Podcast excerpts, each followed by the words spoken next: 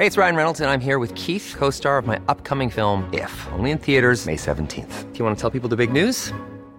All right, I'll do. Sign up now and you'll get unlimited for $15 a month in six months of Paramount Plus Essential Plan on us. Mintmobile.com slash switch. Upfront payment of $45 equivalent to $15 per month. Unlimited over 40 gigabytes per month. Face lower speeds. Videos at 480p. Active Mint customers by 531.24 get six months of Paramount Plus Essential Plan. Auto renews after six months. Offer ends May 31st, 2024. Separate Paramount Plus registration required. Terms and conditions apply if rated PG.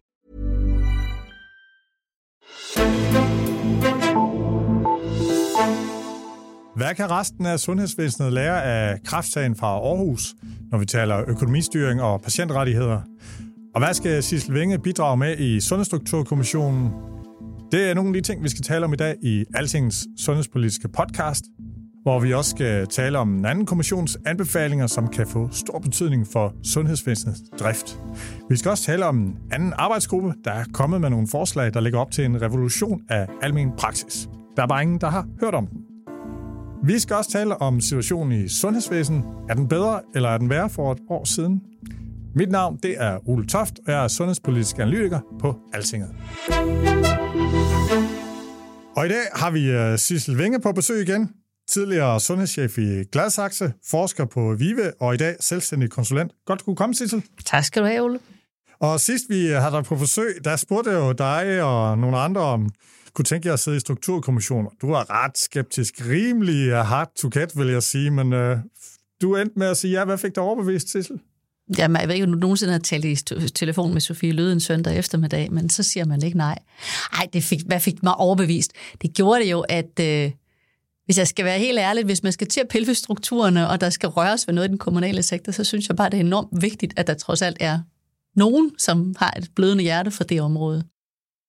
Det, vi skal faktisk tale mere om det øh, senere, men øh, godt, du kunne komme. Og så skal jeg også byde velkommen til direktør i Hjerteforeningen, nemlig dig, Anne Kaltoft. Tak skal du have. Og jeg sendte dig en invitation og sagde, at du skulle tage tre kasketter med. Din øh, lægekasket, din direktør for Hjerteforeningen kasket, og så øh, den her lidt sundhedspolitisk analytiker øh, kasket, som man øh, ja, lige må lege lidt. Man har, øh, har du dem alle tre med? Jeg har i hvert fald bestræbt mig på, eller jeg vil altid bestræbe mig på at prøve at se, om jeg kan se tingene fra lidt forskellige perspektiver. Godt. Inden vi sådan lige går i gang med dagens øh, program, så synes jeg, at vi skal starte med, at du lige har den her hjerteforeningskasket på. Fordi Hjerteforeningen er jo målt på medlemmer den næst største patientforening i Danmark, og hjertelidelser er jo den øh, næst hyppigste dødsårsag i øh, Danmark. Men det ikke meget fair at sige, at det også er en kæmpe succeshistorie, fordi man kan sige, i forhold til, at det, den øh, sygdom, der slår næstflest danskere ihjel, så hører man ikke meget om hjerteområdet. Ikke? Og overlevelse efter øh, akut sygdom er ifølge de undersøgelser, jeg kan finde, øh, blandt de højeste, hvis ikke de højeste i verden. Er det sådan helt skævt sagt? Det er rigtigt. Vi har faktisk en rigtig god behandling, hjertebehandling i Danmark, og øh, dødeligheden af hjertesygdom, den er øh, halveret inden for de seneste 20 år, så det har du ret, ret i. Der er mange succeser Altså det her, chancerne for at overleve et uventet hjertestop uden for sygehusene, det er faktisk også øh, blandt de højeste, hvis ikke det højeste i, i verden. Og jeg kunne se i Dansk Hjertestopsregister, så chancen for at overleve, hjertes, øh, overleve et hjertestop uden for hjemmet er stort set den samme, uanset om det sker i, i land eller byområder. Det går vel meget mod den øh, opfattelse, der ligesom er i hjerteområdet. Uh, vi skal have, man hører jævnligt politikere sige, uh, vi skal have nogle flere ambulancer og sådan noget. Er, er det sådan en, en misfor, hvor, hvor opstår den misforståelse hen, Annika? Jeg tror, det er vigtigt at huske, at hvis man får hjertestop uden for hospital, så er det alt afgørende, det er, at der er nogen, der træder til, inden ambulancen kommer. Og den bevidsthed og den vilje til at ville træde til, den evne til at træde til, den har rigtig mange danskere erhvervet sig gennem de seneste år. Og så kan de gå i gang med hjerte-lungeredning, indtil ambulancen kommer. Ja, I, I skal lige have et, et sindssygt øh, tal mere, som øh, jeg har prøvet det på øh, mine kolleger og familier, og ingen har gættet det. Hvis man tager øh, mennesker, som er erhvervsaktive, altså som er i job, hvis de får et hjertestop uden for hospitalet, hvor mange af dem efter hjertestoppet ender i arbejde igen? Og der har jeg spurgt folk om procentsatsen, og det er på 76 procent. Altså, er det ikke øh, crazy, Anna? Jo, det lyder crazy, men det er rigtig vigtigt at vide, at øh, det at træde til og hjælpe mennesker med at få en chance for at overleve et hjertestop, er rigtig vigtigt. Og de mennesker, der overlever, de overlever ganske typisk til noget godt. Ja, og, og inden vi lige, vi skal også snakke problemer, men er der, er der, er der, har jeg glemt en sådan rigtig god øh, ting mere på, på hjerteområdet?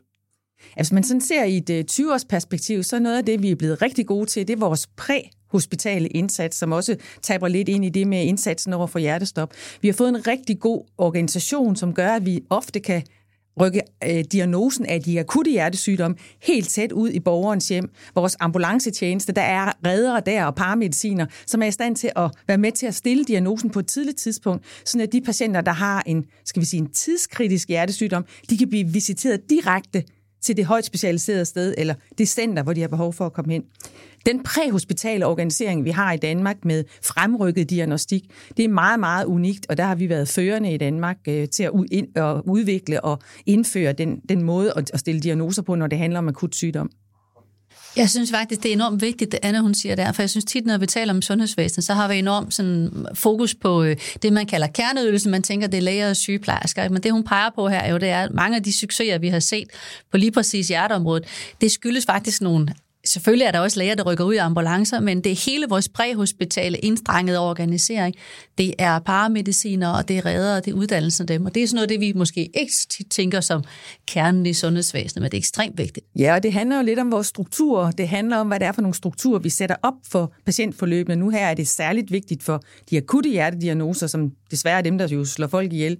Men generelt, og det kommer vi sikkert tilbage til, strukturen omkring, hvordan vi organiserer patientforløbene, det er jo rigtig vigtigt, og det er jo ofte der, succeserne ligger begravet.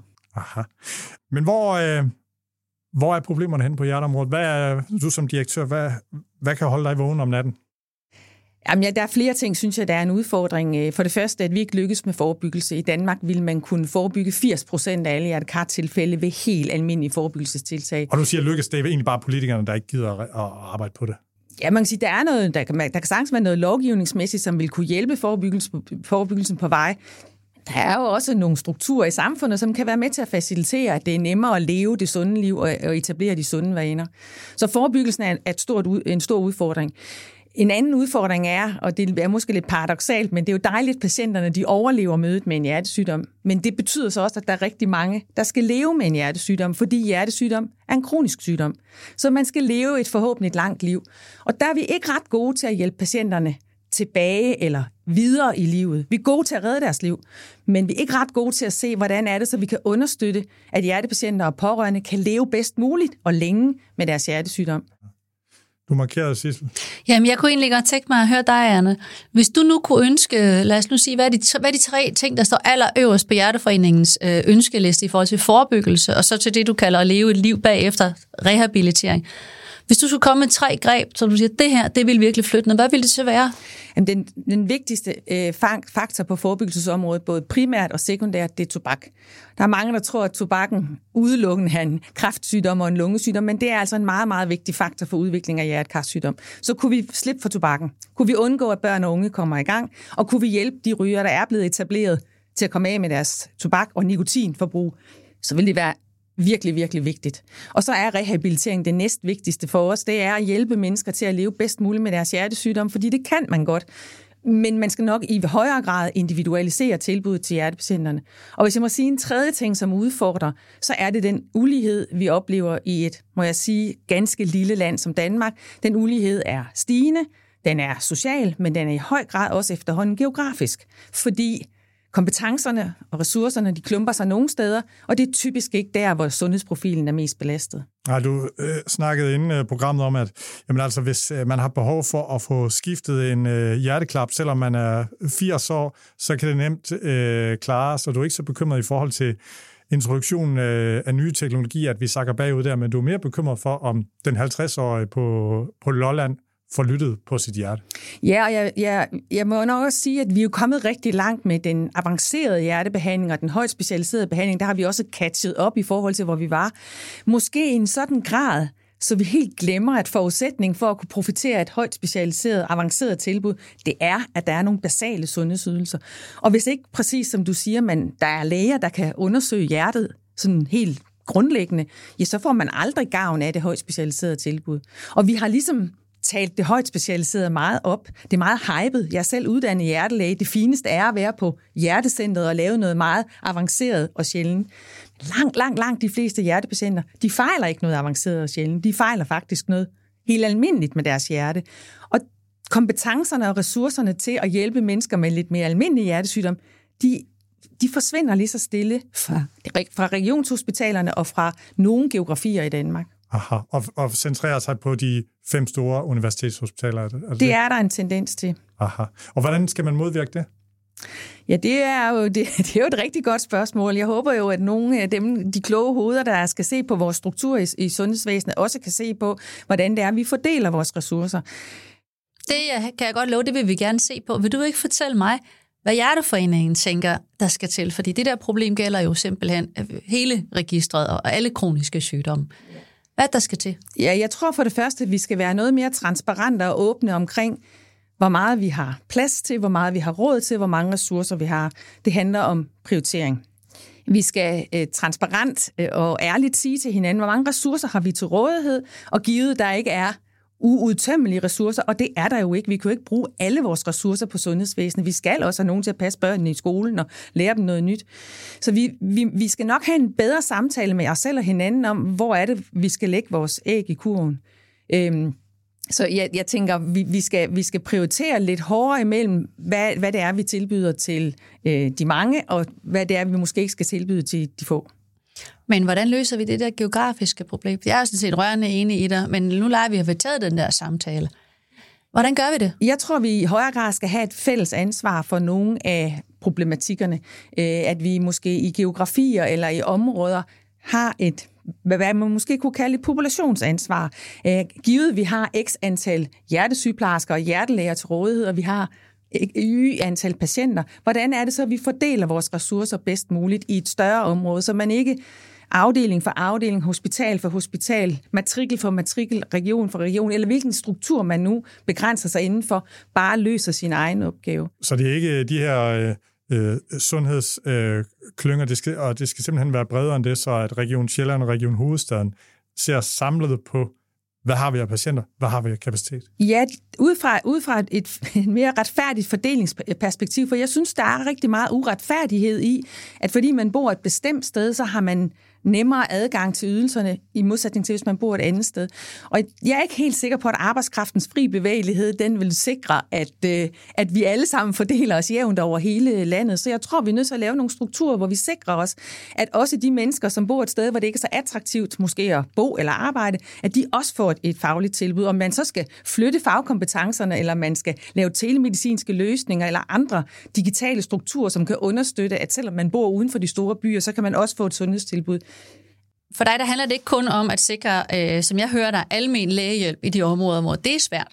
Det handler også om, at øh, og magneterne her, det er jo de store universitetshospitaler, at de simpelthen skal til at lave andet og mere end det, som de var designet til at være supersygehus og lave det højt specialiseret, man også skal tage ansvar for nogle mere, jeg ved ikke, om man skal kalde det basale behandlinger. Præcis. Øh, basale eller mere generelle, og stille sine kompetencer og sin øh, erfaring og sin faglighed til rådighed for mere og andet end det superspecialiserede. Jeg skal også lige høre, inden vi øh, går videre her.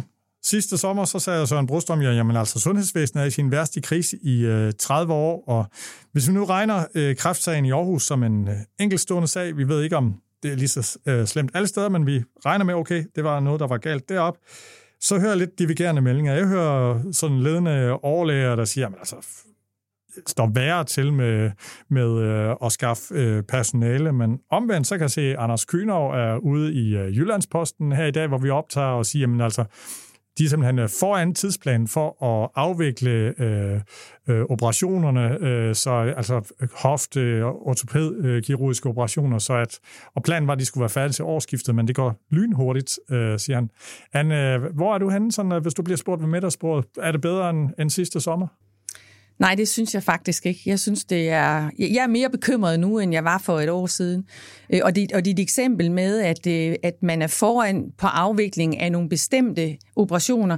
Det lyder selvfølgelig tillokkende, men det er jo det samme som, at man har kanaliseret nogle ressourcer et bestemt sted hen. Og min oplevelse er, at så er der nok andre steder, hvor man så til gengæld mangler ressourcerne, og hvor ventelisterne vokser. Min allerstørste bekymring, det er, at øh, det bliver tiltagende uattraktivt at arbejde i det offentligt finansierede sundhedsvæsen. I hvert fald inde på hospitalerne. Der er min oplevelse blandt nuværende og tidligere kolleger, at øh, det at være ansat øh, på en almindelig hjertemedicinsk afdeling, det er ikke længere så attraktivt, som det engang var. Øhm, Hvorfor man, ikke? For det første, fordi man mange steder ikke føler, at man kan løse opgaven fagligt tilfredsstillende. Og langt, langt, langt de fleste, de går på arbejde for at gøre en forskel for mennesker. Og de vil gerne lykkes med deres opgaver, de vil gerne have øh, skinnende øjne øh, på patienterne, og de vil gerne opleve, at de virkelig har leveret det, som skulle til for, at patienterne kommer godt videre. Og det bliver tiltagende svært, og både at have tid, rum og plads til at kunne løse opgaven tilfredsstillende. Og så mistrives man som fagperson, og så har man ikke lyst til at være der. Så jeg er virkelig bekymret for, om vi fortsat kan rekruttere og fastholde mennesker, der skal arbejde i et så presset sundhedsvæsen, hvor det både fagligt og økonomisk og tidsmæssigt er svært at leve op til de ambitioner, man har om at være en god fagperson. Godt. Så der ja, noget, men jeg synes, det er enormt interessant, hvad Anna hun siger. Nu er det kun sygehusvæsenet, vi taler om, fordi på en eller anden måde, så er vi fanget i en eller anden spiral, hvor øh, vi har fået cirka dobbelt så mange læger på nogle af 20 år, og det, der, de sidder sandelig ikke og triller tommelfinger. Men øh, vi har simpelthen måske heller ikke fået, ja, så Brico siger ude i Region Sjælland, vi har heller ikke fået ryddet op i mange af vores, øh, hvad skal man sige, vaner med ambulante kontroller. Vores ambulante produktion har jo været helt, altså det er jo den, der er eksploderet.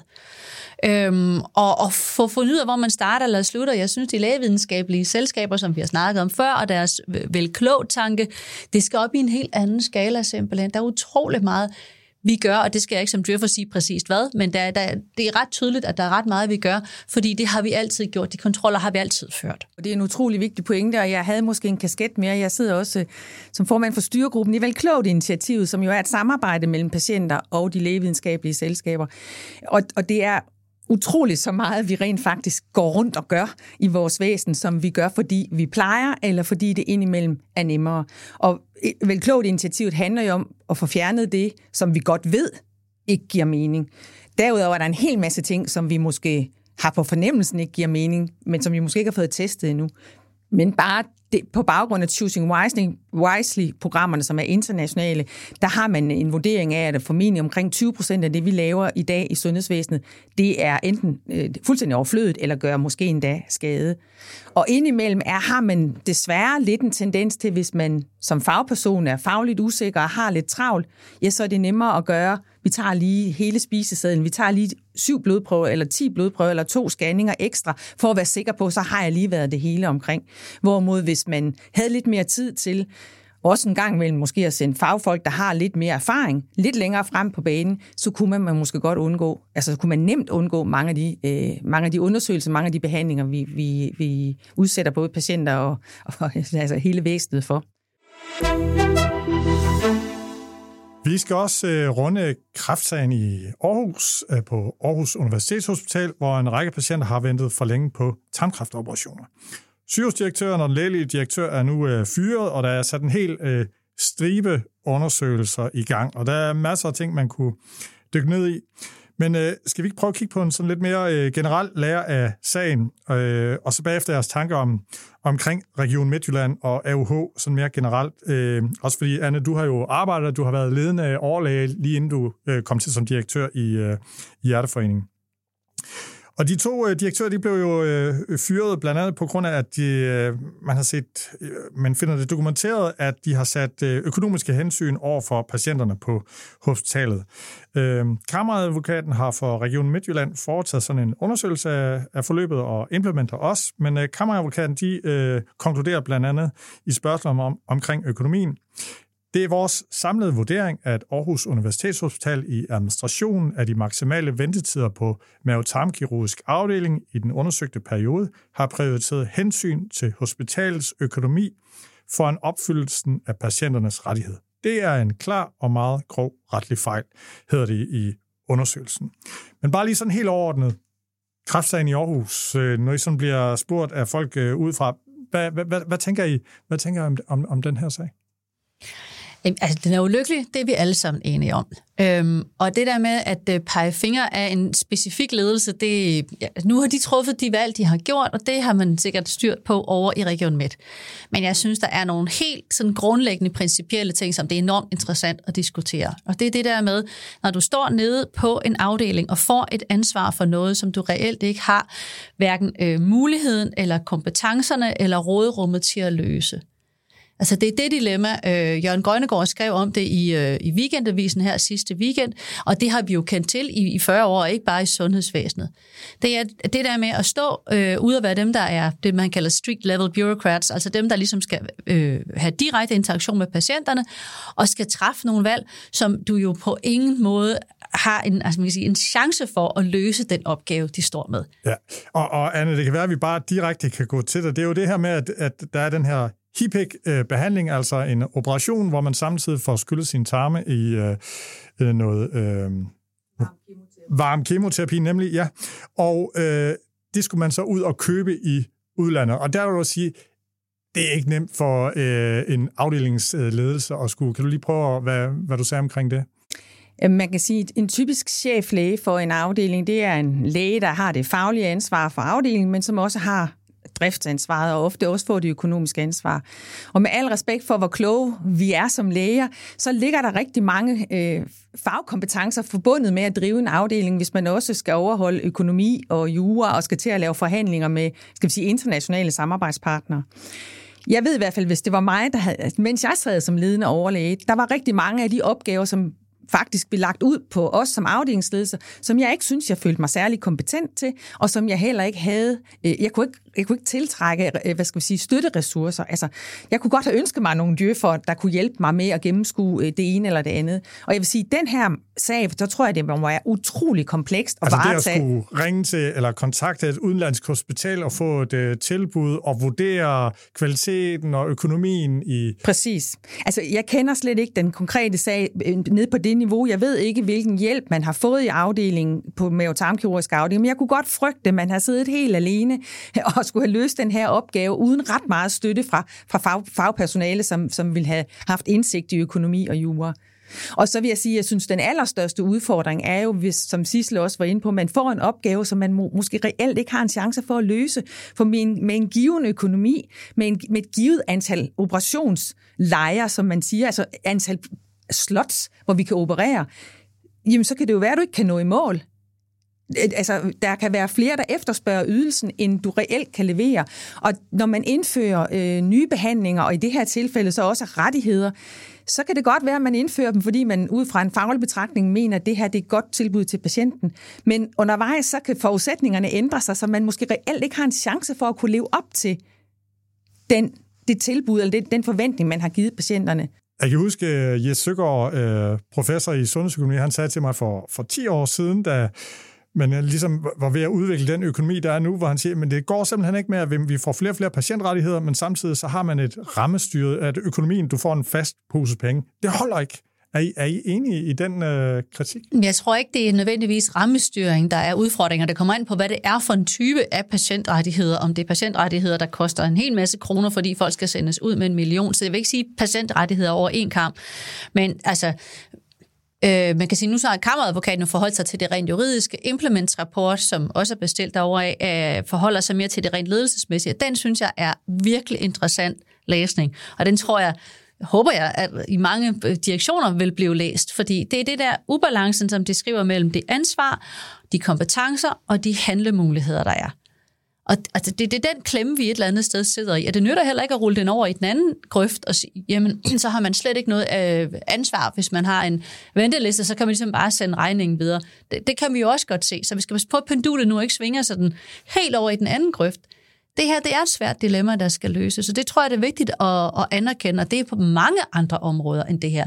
Her bliver det bare så helt specifikt, fordi det lige præcis er kraft, og fordi der er nogle ret specifikke maksimale ventetider på operation, og de er korte. Ja, og lige præcis for den her patientgruppe, for man kan sige, nu, hvis vi nu skal blive på mavetarmkirurgisk afdeling, de har jo masser af andre opgaver, hvor de skal hjælpe mennesker, som er stærkt lidende, har smerter, har st- store udfordringer i deres hverdag, som også skal have et operationstilbud, som bare ikke er omfattet af den samme maksimale ventetid. Og jeg tror da nok, at man på de fleste afdelinger forsøger at balancere og sikre sig, at man, man, man spreder sine kompetencer eller sine ressourcer bedst muligt ud. Men jeg synes, det vender jo igen og igen tilbage til, at vi er nødt til at lave en åben og ærlig, transparent prioritering. Og jeg kunne ønske mig, at man måske lidt højere havde sagt, vi kan ikke lykkes med opgaven.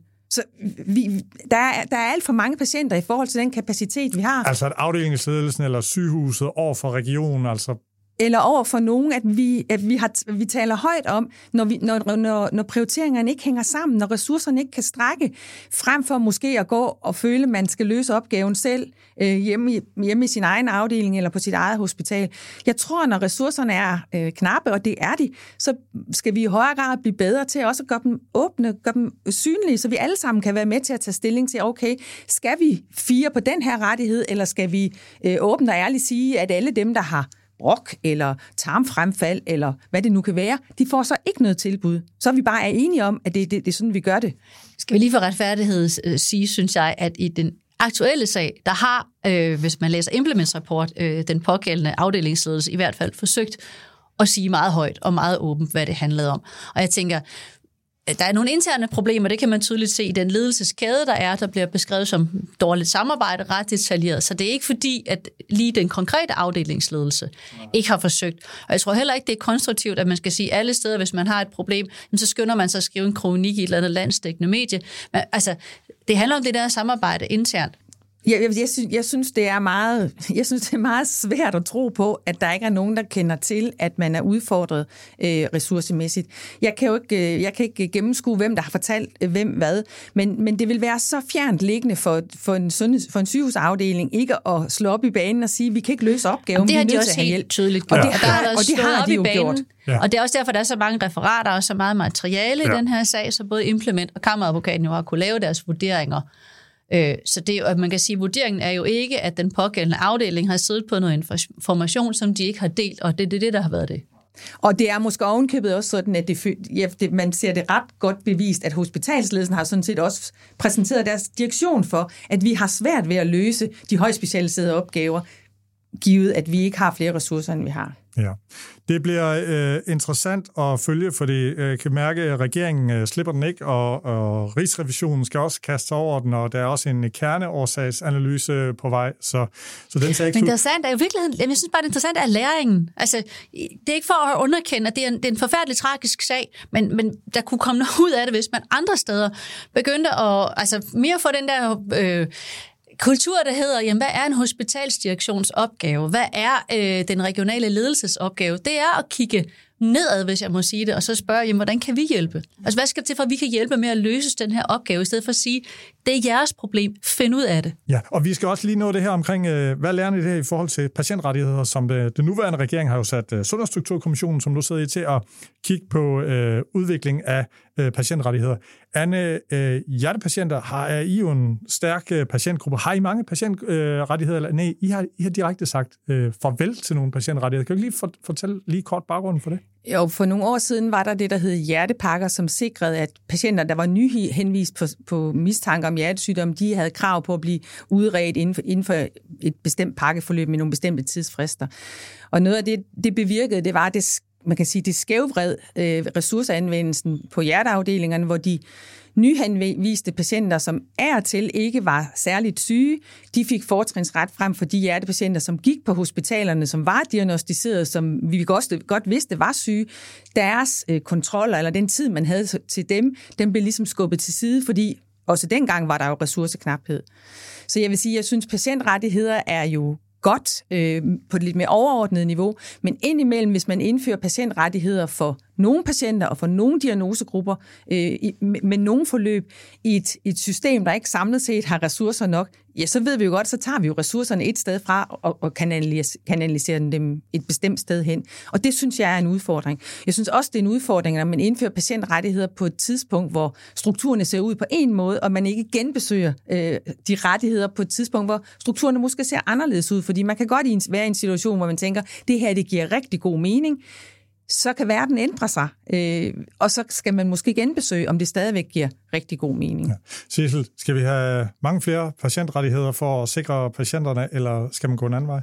Jeg tror, altså, nu sidder en kommission, der skal kigge på området, men jeg tror, at patientrettigheder, hvis det er set øh, som sådan nogle øh, typisk maksimale tidsgrænser, så tror jeg, at vi skal være sindssygt varsomme af de årsager, som Anne hun nævner nu. Patientrettigheder kan være mange ting. Vi kan jo sige, at grundlæggende set har vi jo vildt mange patientrettigheder i Danmark, fordi vi alle sammen har ret til let og lige adgang til et offentligt finansieret sundhedsvæsen. Og vi ikke har en kæmpestor privatsektor, hvor det alene er betalingsevne og betalingsvilje, men at vi faktisk forsøger at værne om et system, hvor det er øh, behov.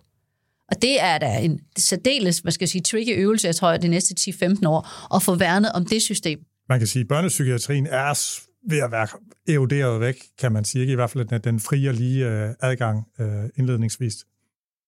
Ja, altså det er, det er i hvert fald en kæmpe stor udfordring, hvis vi bliver ved med at give øh, altså tidsgrænser til, helt, øh, til sygdomme, hvor man kan sige, hvor vi ikke går ind og laver den der individuelle vurdering. Øh, en anden form for patientrettighed, det var dengang, man gav øh, førstegangsfødende ret til to dages indlæggelse. Det var jo ikke en, en tidsgrænse til behandling. Men der vil jeg også gerne sige, jamen der, der fratager man jo de sundhedsfaglige muligheden for at vurdere, at der vil være nogen ekstremt udfordrere på det andet sag før omkring øh, ulighed i sundhed, som har brug for at være sikkert øh, mandsopdækning i fire uger for overhovedet for det her liv med det lille barn til at få, øh, fungere. Og så er der måske 90 procent, som sagtens kan gå hjem ambulant. Men den der individuelle sundhedsfaglige vurdering, man kan sige, altså med, med retten til at varetage den, så følger selvfølgelig også pligten til at udøve den, og ikke bare give de ressourcestærke for meget. Godt.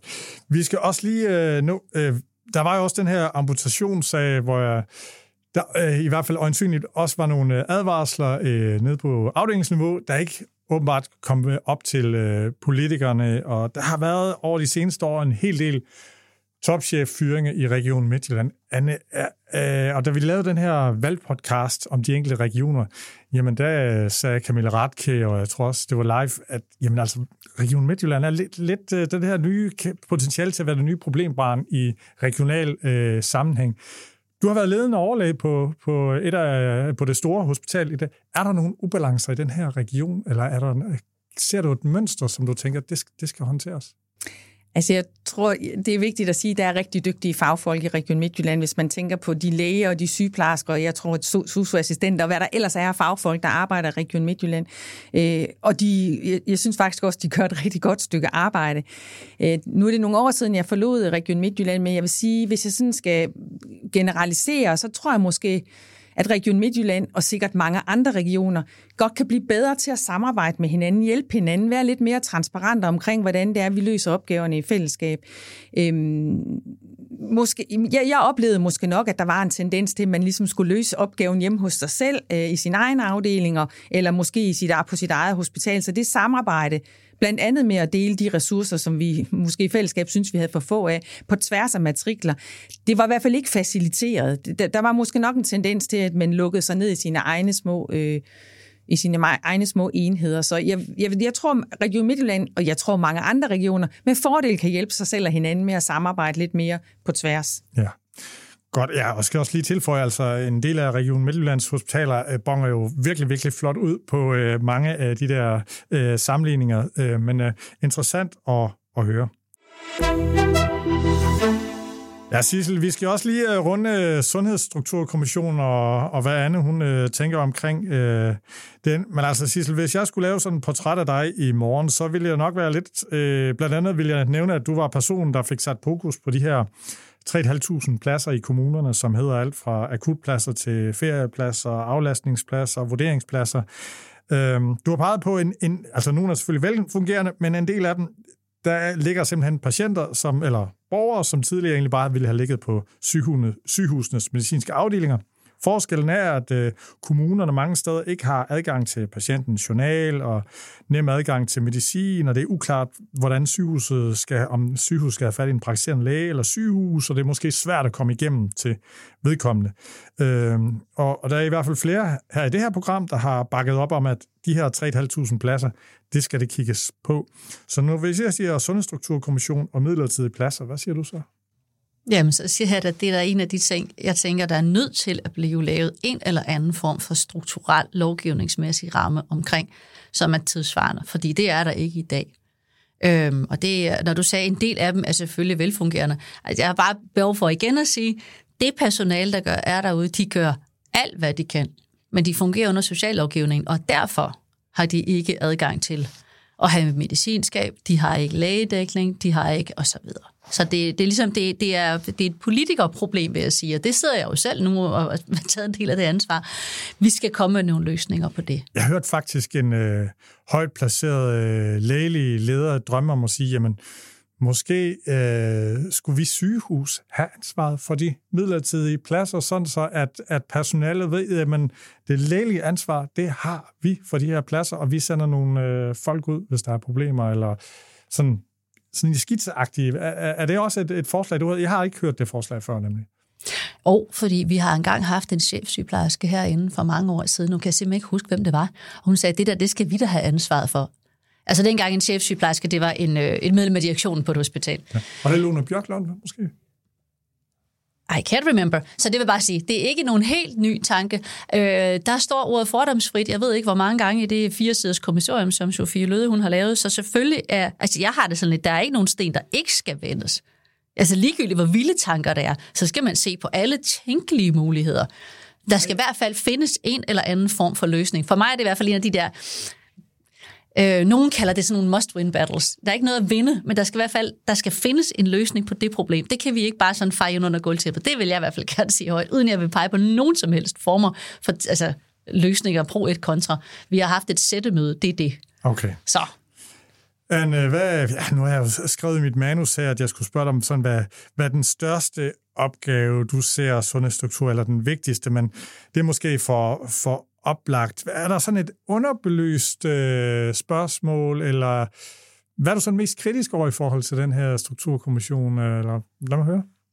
Ja, jeg synes ikke kritisk. Jeg er meget øh, spændt, og jeg glæder mig over, øh, at den er nedsat, og at den skal arbejde hurtigt. Og jeg håber også, at den kan arbejde hurtigt og komme ud med nogle, nogle, nogle bud på de udfordringer, vi ser strukturelt. Og jeg vil sige, det, det, der fylder mest for mig i Strukturkommissionens arbejde, det er ikke overraskende måske, en, at man sikrer en bedre og mere retfærdig fordeling af de ressourcer, vi har. Uanset om vi har få eller vi har flere, så er fordelingen af ressourcer i dag ikke hverken øh, fagligt øh, velbegrundet eller retfærdig. Og den anden ting, der optager mig, det er, at vi sikrer øh, bedre forløb for mennesker, der skal leve med deres sygdom, og som jo som mennesker og patienter og pårørende imellem et eller andet sted er jeg lidt ligeglad med, hvad er, det for en, hvad er det for en kasse, jeg er inden for nu, hvad er det for en struktur, jeg befinder mig i. For dem er de patienter, og de, vi skal hjælpe dem bedst muligt til at leve deres liv bedst muligt, så langt væk fra øh, skal vi sige, sundhedsvæsenet som overhovedet muligt, men med de behov, men med mulighed for at få dækket de behov, de har. Så jeg tænker, at vi skal, strukturerne skal også understøtte, at man kan individualisere, så ikke alle patienter skal nødvendigvis have det samme tilbud. Øh, vi skal også kunne ture og sige, at nogen skal have meget, meget mindre. Øh, rehabilitering fylder meget for hjertepatienter. Jeg er meget optaget af, at patienterne skal have et rehabiliterende tilbud, men nogen behøver ikke ret meget. De skal måske i virkeligheden slet ikke have noget. Hvorimod andre, de skal have rigtig meget hjælp for at komme over den hurdle, der er. Jeg, I går gik jeg rundt og troede, jeg var rask. Nu er jeg faktisk syg og skal forholde mig til medicin og forebyggelse, og jeg skal holde op med det ene og begynde med noget andet. De har behov for en varm hånd i ryggen. Og de strukturer, vi har i dag, de har lidt en tendens til for det første at være langt væk fra patienten og de pårørende, men de bliver også lidt ens, en, ens for, eller hvad hedder, ensartet og ikke individualiseret. Vi skal også øh, tale om øh, en revolution, eller i hvert fald forslaget øh, til en revolution, nemlig af hovedindgangen af sundhedsvæsenet, nemlig de praktiserende læger. Øh, Leif Vestgaard Petersen, øh, en af gæsterne her indimellem i, på Alsinge, han har været i spidsen for et øh, udvalg sammen med nogle menige praktiserende læger og nogle eksperter, øh, og kigge på, hvad øh, kan vi lave anderledes ved de her honorarer, som de praktiserende læger. De får jo 10 milliarder øh, årligt øh, for at, at være øh, hovedindgang til sundhedsvæsenet, og der har man så lavet et forslag til en ny honorarstruktur. Der er vist over 100 øh, honorarer i dag, og det har de skåret helt ned til 16, Sissel. Og du er, du er lidt øh, begejstret. Jamen, det er jeg, og jeg vil også bare sige, jeg, jeg vil også lige skyde lidt tilbage. Det er da utroligt, at der er ikke den eneste sundhedsjournalist, der egentlig har givet at lave en ordentlig historie på det her. Vi har lavet et interview med Leif. Ja, det er flot. Det skal I også have ros for. Men altså, jeg tror simpelthen, det er fordi, man tænker, ej, det, det er sikkert for komplekst. Det er sådan noget med en masse økonomi nede i maskinrummet. Hvis man vil forstå, hvordan almen praksis fungerer, så er man nødt til at forstå, at det er altså 3.500 mennesker, der er styklønnet. Så derfor er, er den der honorarstruktur helt, helt afgørende.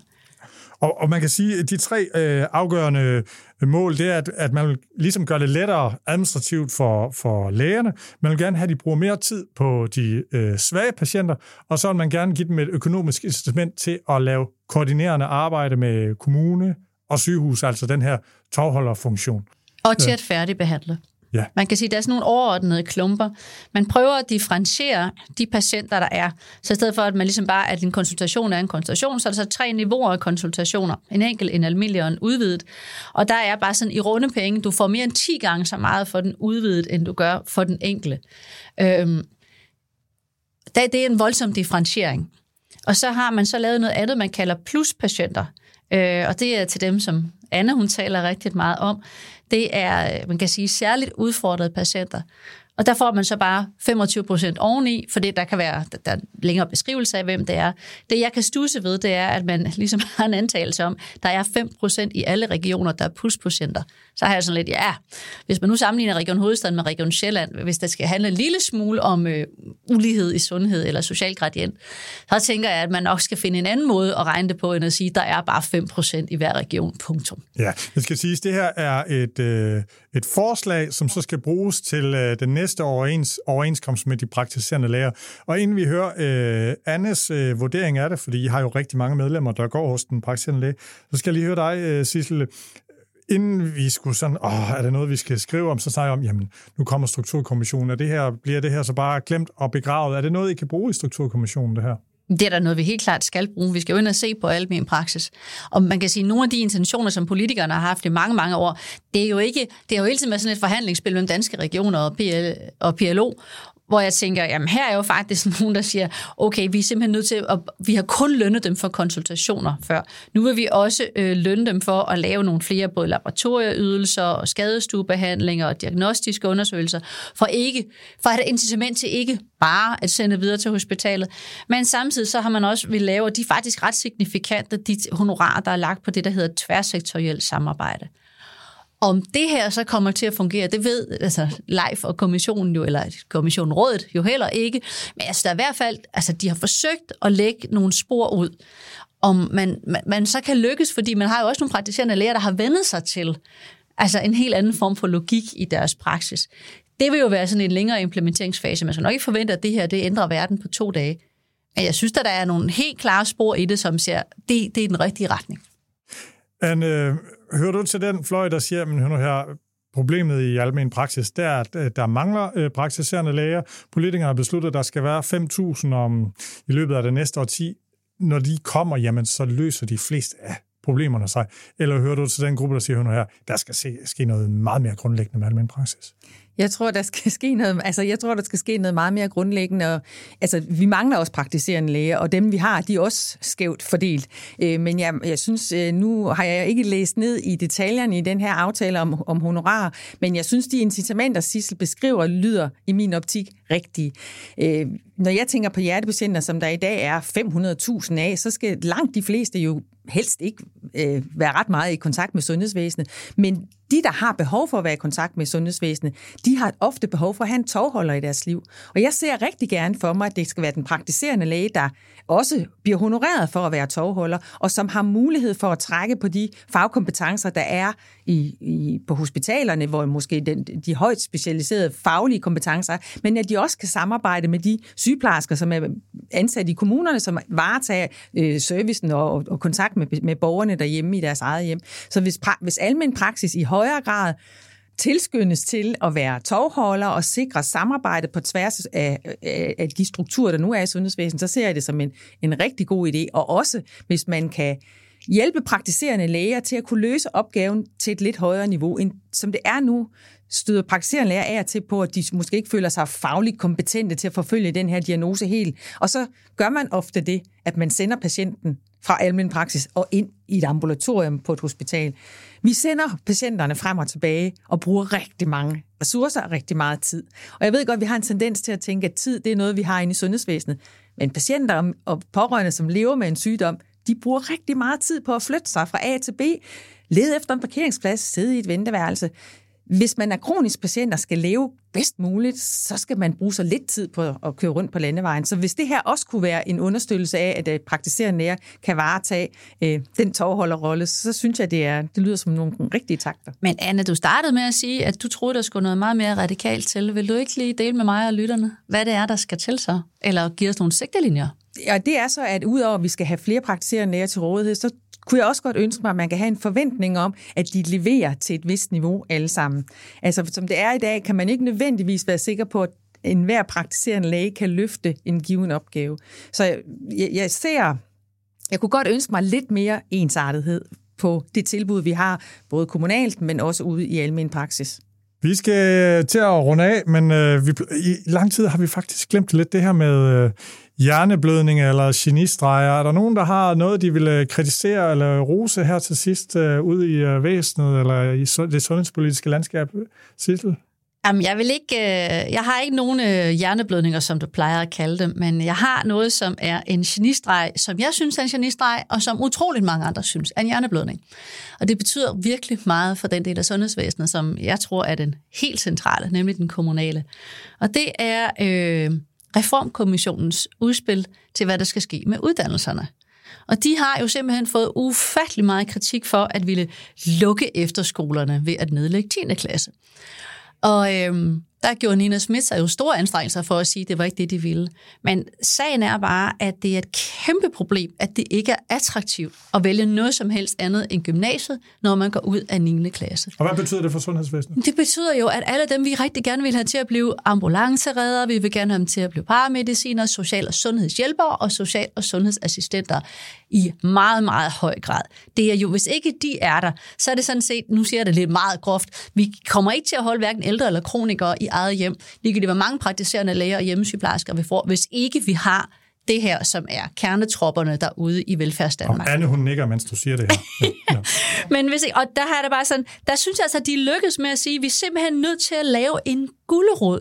Og det er, og jeg synes, det er så fint, at alle de der, jeg undskyld mig, øh, gråhårede mennesker i den der kommission stiller sig op og siger, okay, der skal være klassefællesskab, der skal være hue på, der skal være flere larmende studenter, der kører rundt. De har simpelthen forstået, hvad det er, der er det fede ungdomsliv. Det er det, der er det fede ungdomsliv. Og det skal de altså have to år til. Og det betyder altså, at alle, der må vi jo sige, jeg er jo kæmpe fan af efterskoler. Vi sender samtlige af dem, vi producerer på efterskole hos os. De kan slet ikke vælge det fra, de kan vælge hvilken. Men jeg må bare sige, de penge, der er bundet i det, som jo er de velstillede børn, som er dem, der er uddannelsesparate. Langt de fleste af dem.